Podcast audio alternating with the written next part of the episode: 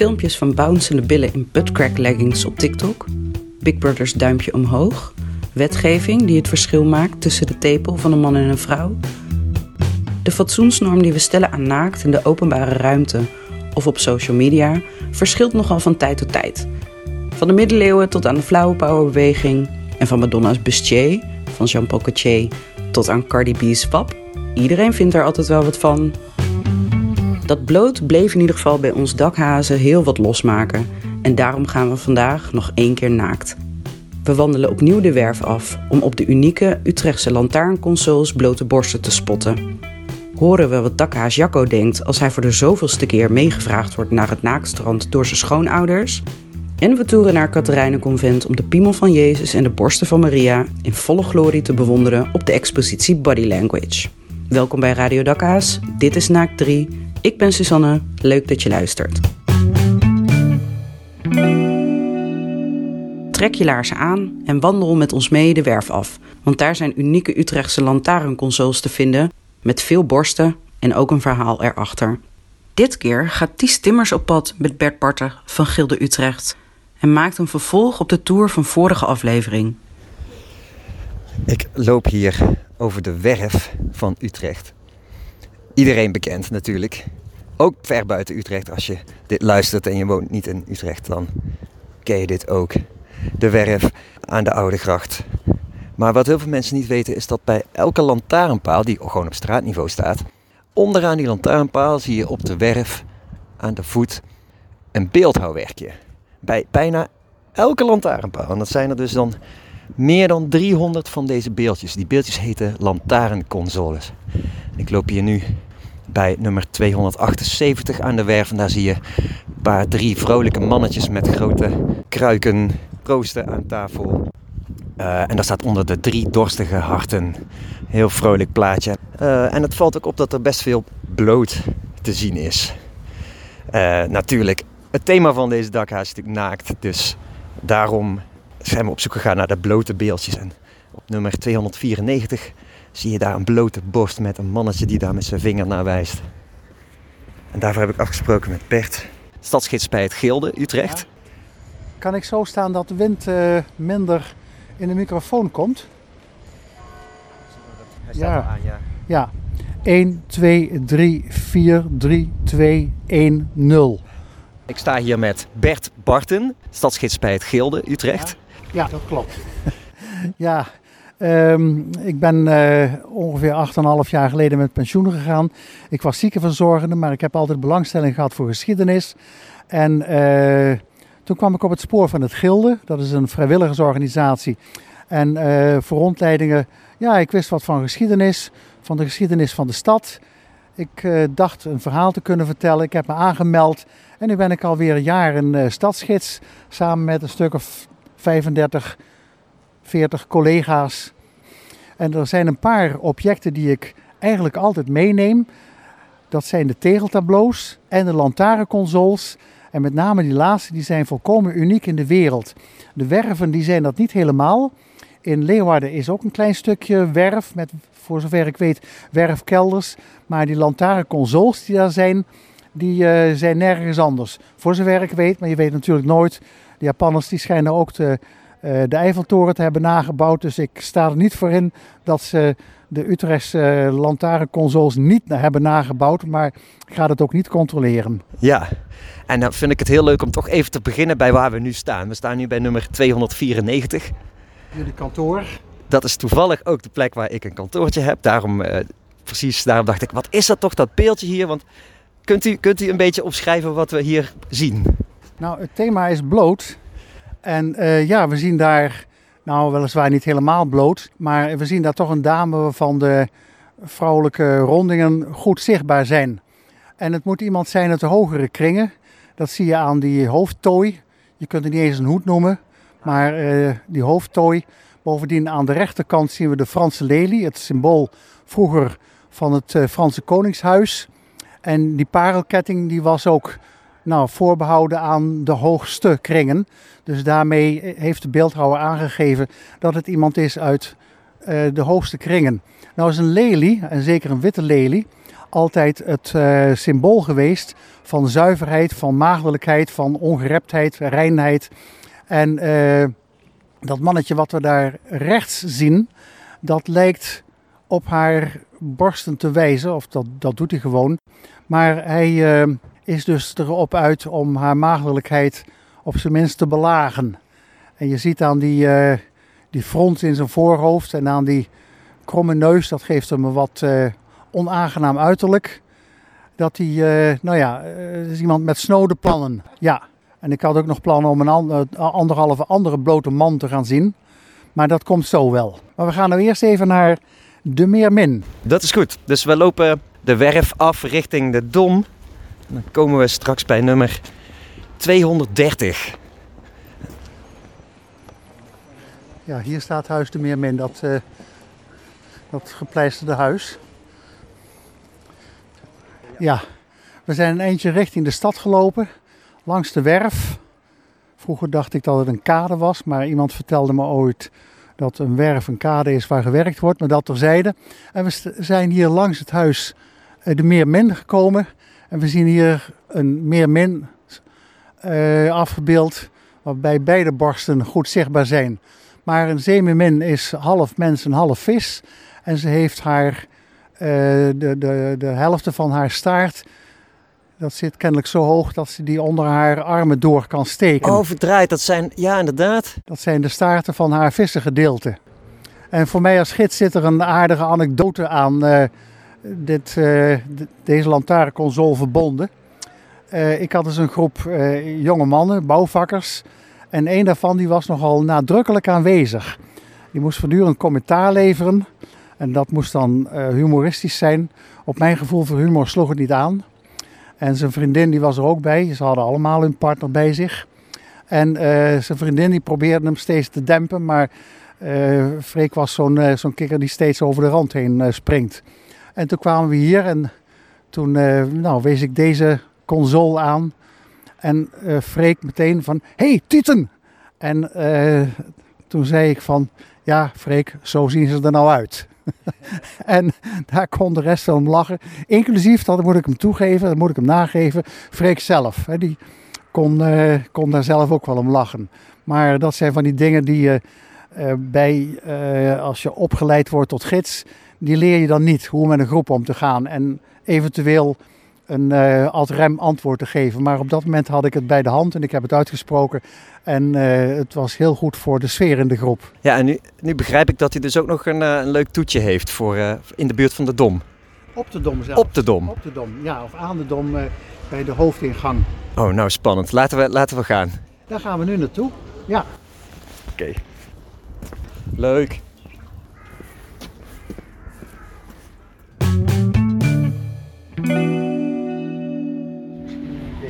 Hier is het windstil. Ja, laten we nu. Uh... Ja, kan ik beginnen? Ja, we zijn hier nu eigenlijk bij ja, de hoofdattractie van Utrecht, mogen we wel zeggen, onze Dom. En daar is dus ook een, uh, een klein bloot plaatje te zien. Nou, klein, het is eigenlijk best wel enorm. En het zit ook pontificaal gewoon boven de ingang van het achterschip. En uh, nou, uh, Bert, uh, ik ben benieuwd. Ja, barst los. het achterschip, nou, het is de hoofdingang van de Domkerk. En daar is afgebeeld de legende van Sint Maarten. Want Sint Maarten is de beschermheilige van de stad. En de Dom is aan Sint Maarten gewijd. En wat we daar zien, dan is, dan is Maarten nog geen Sint. Hij is officier in het Romeinse leger. Een jongeman. Een jongeman. Hij leeft zo ergens rond het jaar 320, 350. Hij is gelegerd in de Franse stad Amiens in het noordwesten. En op een dag ziet hij daar bij de stadspoort een bedelaar. En uh, nou, die bedelaar is slecht gekleed. En op dit uh, bronzen vries is de bedelaar helemaal niet gekleed. Vandaar dus dat hij in dit onderwerp is opgenomen. Het is natuurlijk ook nog winter om het verhaal zo dramatisch mogelijk te maken. En Martinus die besluit, die begrijpt dat een paar muntjes helemaal niks is voor die man. En die, hij pakt zijn opperkleed, zijn oppermantel, die is rood. En daar, hij pakt zijn zwaard en van dat opperkleed snijdt hij met zijn zwaard een stuk af. En dat geeft hij aan die bedelaar. En daardoor komt zijn witte onderkleed tevoorschijn, wordt zichtbaar. En dat wit van dat onderkleed en dat rood uh, van het bovenkleed, wat hij op dat moment aan het afsnijden is, dat is het wapen van Utrecht geworden. Maar uh, het verhaal gaat nog even verder. Dat is wel interessant. Uh, S'nachts droomt Martinus dat hij Christus ontmoet. Gekleed in dat stuk van die mantel, wat hij dus overdag aan die bedelaar heeft gegeven. Hij heeft dus daar niet een bedelaar voor de stadspoort ontmoet, maar een reïncarnatie van Christus. Dus hij besluit om uit het leger te stappen hij uh, begint een kloostertje en ja, zo heeft hij zijn leven compleet omgegooid. Prachtig, dus uh, zo, zie je, zo zie je maar dat we toch, we hebben gewoon bloot, we hebben gewoon naakt, gewoon midden op de dom. For everyone to see. Ja hoor, apen zijn toch voor niets. ja, heel leuk. Dankjewel. Ja.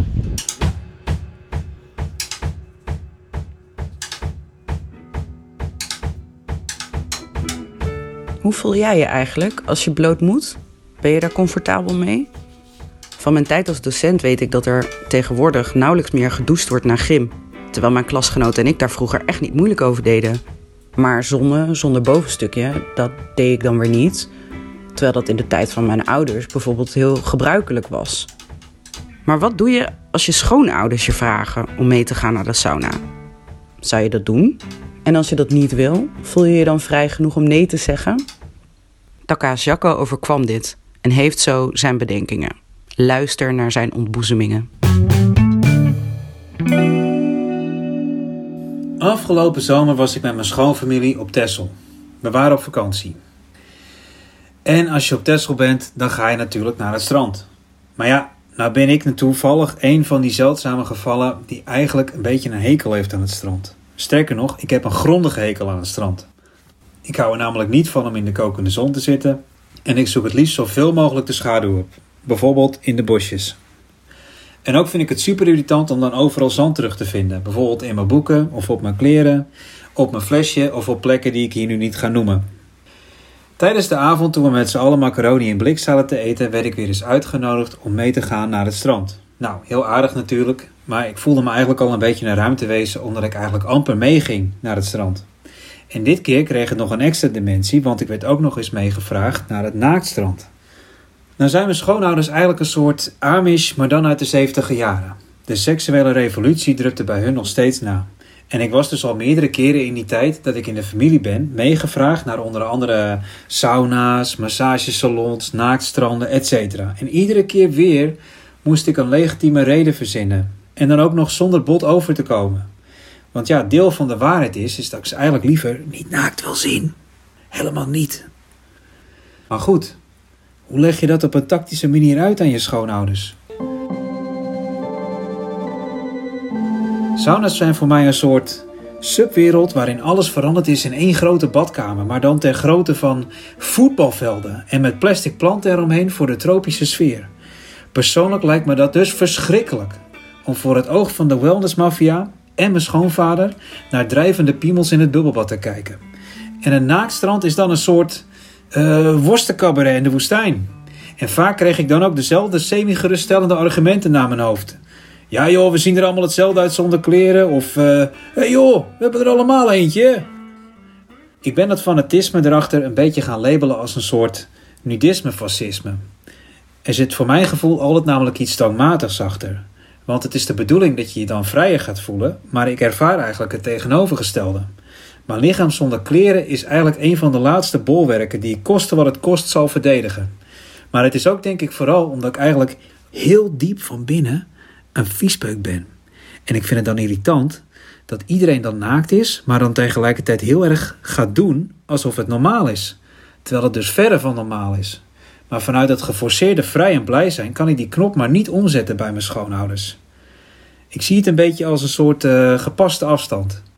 Nu we dankzij corona al bijna een jaar lang thuis leven en eigenlijk zo min mogelijk fysiek sociale contacten opzoeken, lijkt het soms alsof sommigen, en ik denk steeds meer, opeens dat laatste randje beschaving ook aan het loslaten zijn. En dat we langzaam weer veranderen in beesten in een grot. Alleen hoeven we dan niet meer te jagen om te overleven, maar moeten we vooral zorgen dat we internet hebben. Zo gebruik ik net als vrienden van me al weken geen deodorant meer en eet ik veel te vaak ongezond en beweeg ik ook veel te weinig.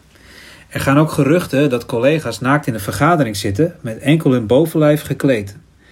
Dat laatste randje beschaving wat dan nog net binnen het zichtbare deel van de camera valt. Onder het bureau is het een heel ander verhaal. Ze noemen het volgens mij Donald Ducking, omdat hij ook nooit een broek aan heeft, behalve als hij gaat zwemmen. Maar ja, terug op Tessel. Voordat ik goed en wel uit mijn woorden kwam, merkte ik dat het gesprek aan tafel nu ging over waarom ik dan in godsnaam niet mee wilde naar het naaktstrand. En terwijl ik mijn macaroni naar binnen slobberde, hoorde ik dat mensen bezig waren redenen te verzinnen waarom ik dan niet zou gaan. Een van die redenen was dan bijvoorbeeld dat ik me zou schamen voor mijn geslachtsdeel. Of dat ik besmet zou zijn met de preutsheid die is overgewaaid uit Amerika. Of dat mijn ouders zelf preuts waren en me geïnfecteerd hebben met een soort aseksuele overdraagbare aandoening. Maar ja, de waarheid is eigenlijk gewoon dat ik super kritisch ben over hoe ik eruit zie. En dan met name naakt of bijna naakt. Omdat ik het graag gezellig wil houden aan tafel, speel ik deze kaart eigenlijk amper. Ik probeer het dan door voorzichtig te zeggen dat ik eigenlijk niet superveel behoefte heb om ze naakt te zien en dan vervolgens ook nog eens met ze lachend de zee in te rennen. Helaas lukte het niet om met een voor hun sterk argument te komen en ben ik in dit soort situaties nog steeds gekke Henkie. Ik blijf de trotse idioot die zichzelf omkleedt op het strand met een handdoek ervoor en de dag erna ging ik mee naar het normale strand, want ik had me weer eens om laten praten. En terwijl ik mijn lichtblauwe zwembroekje van 10 jaar oud onhandig sta aan te wurmen in het veel te krappe toilet van de camper, ben ik mezelf aan het geruststellen door te mompelen dat ik niet gek ben. Ik ben niet gek. En ik herhaal dit een paar keer als een soort mantra. En daarna doe ik mijn andere korte broek over mijn zwembroek heen en ben ik klaar om te gaan. Kom op jongens, we gaan lekker naar het strand.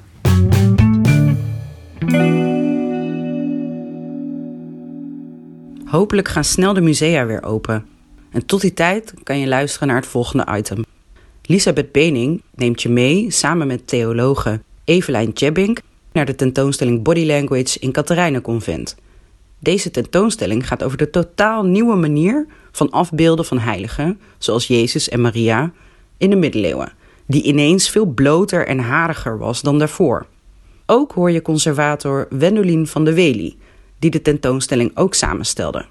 Zij vertelt ons meer over de inhoud van de werken.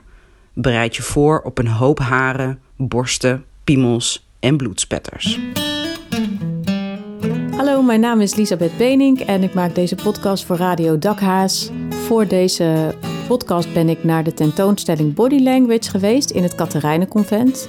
En deze tentoonstelling gaat over het naakte lichaam in de middeleeuwen. Samen met mijn vriendin Evelijn Jebbink, die ook theologe is, loop ik over de tentoonstelling en bekijken wij de werken. Geslachtsdelen en borsten. Van bloed naar haar. En van borsten naar geslachtsdelen. Het is wel zinnelijk. Zeker zinnelijk. Wat betekent naakt in de middeleeuwen? Wendolien van Wely, zij is conservator bij het Katerijnenconvent en zij kan ons alles vertellen over de werken die wij zien in deze tentoonstelling. Wanneer een figuur in de middeleeuwen naakt wordt weergegeven, dan heeft dat een reden, dan wil men iets uitleggen.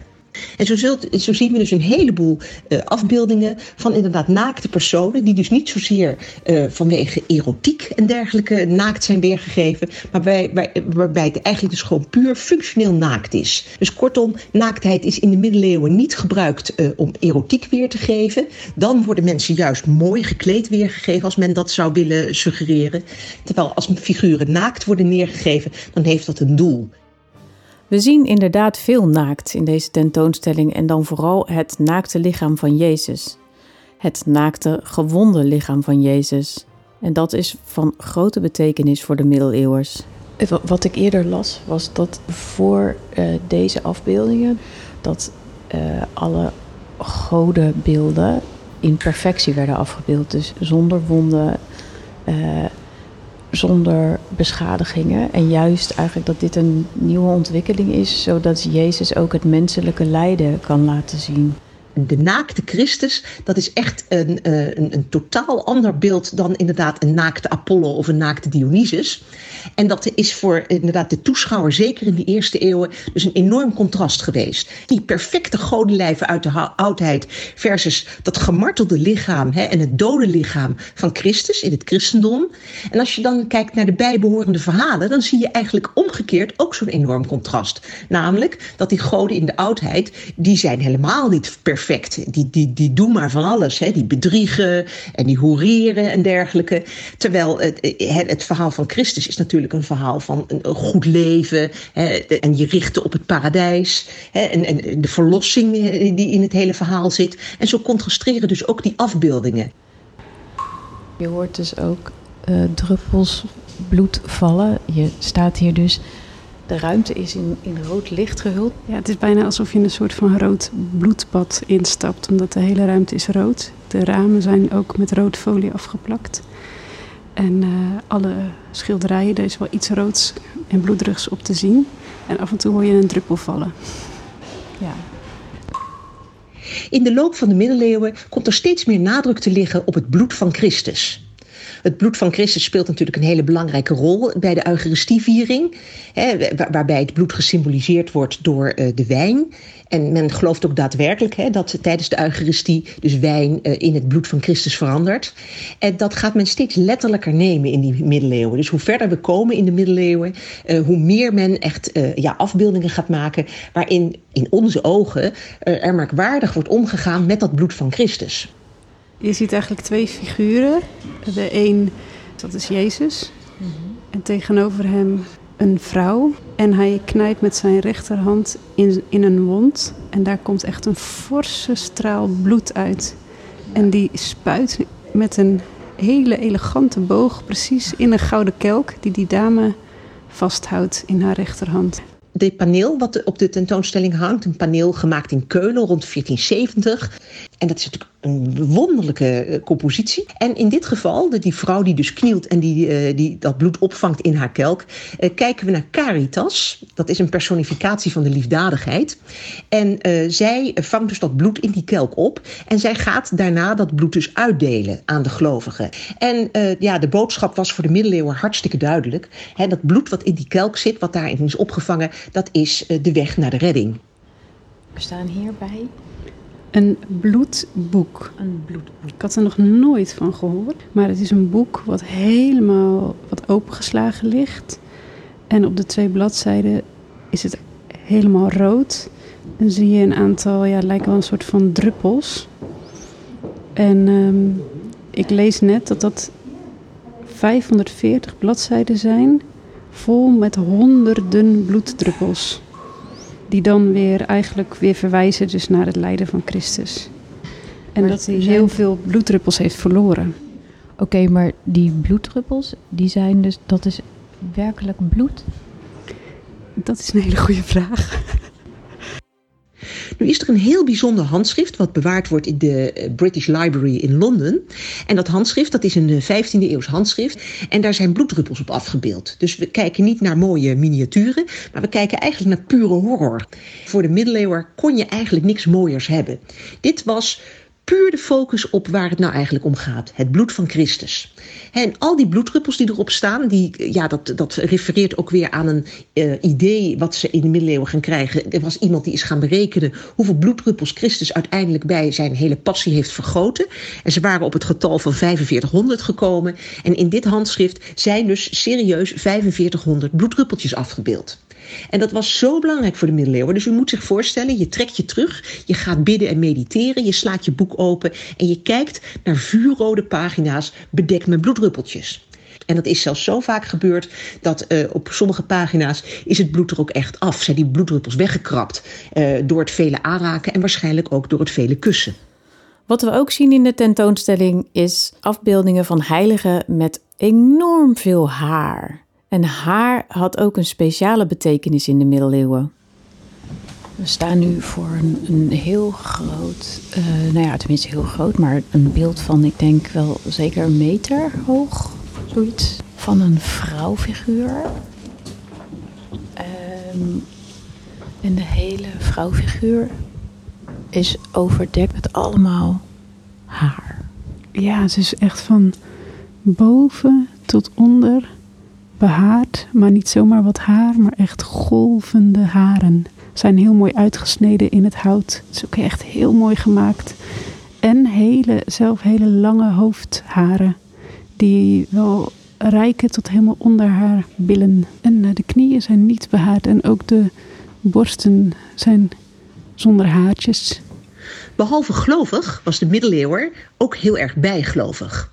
Allerlei ja, folklore, dingen uit de oudheid, verhalen en zo, die waren nog gangbaar in de middeleeuwen. Dus het was helemaal niet zo dat uh, ja, de christelijke middeleeuwer uh, he helemaal niets meer deed met bijgeloof en rare verhalen.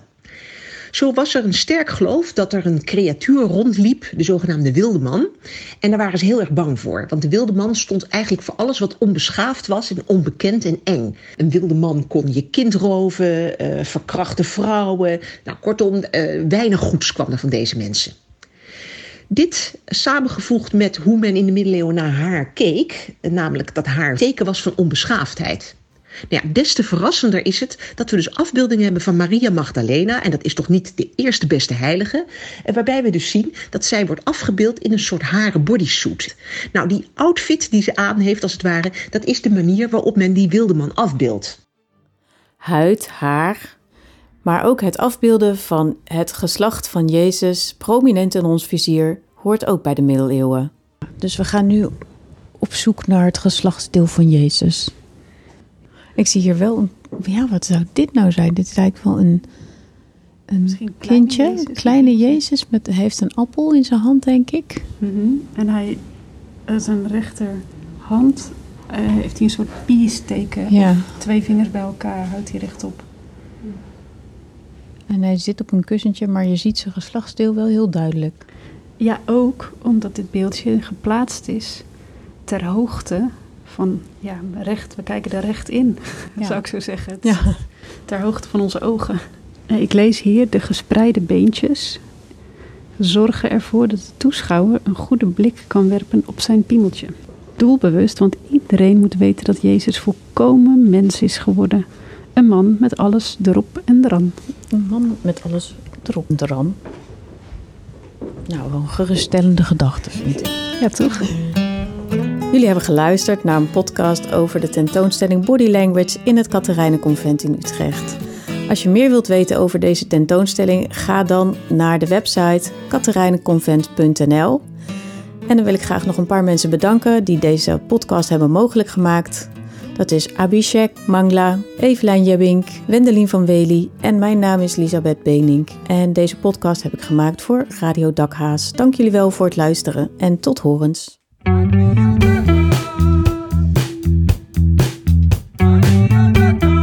Je luisterde naar aflevering 26 van Radio Dakka's. Deze podcast werd gemaakt door Elisabeth Benink, Abhishek Mangla, Ties Timmers, Jacco de Jager, Elja Looijenstein, Sterre ten Houten de Lange en ik, Suzanne Thomas.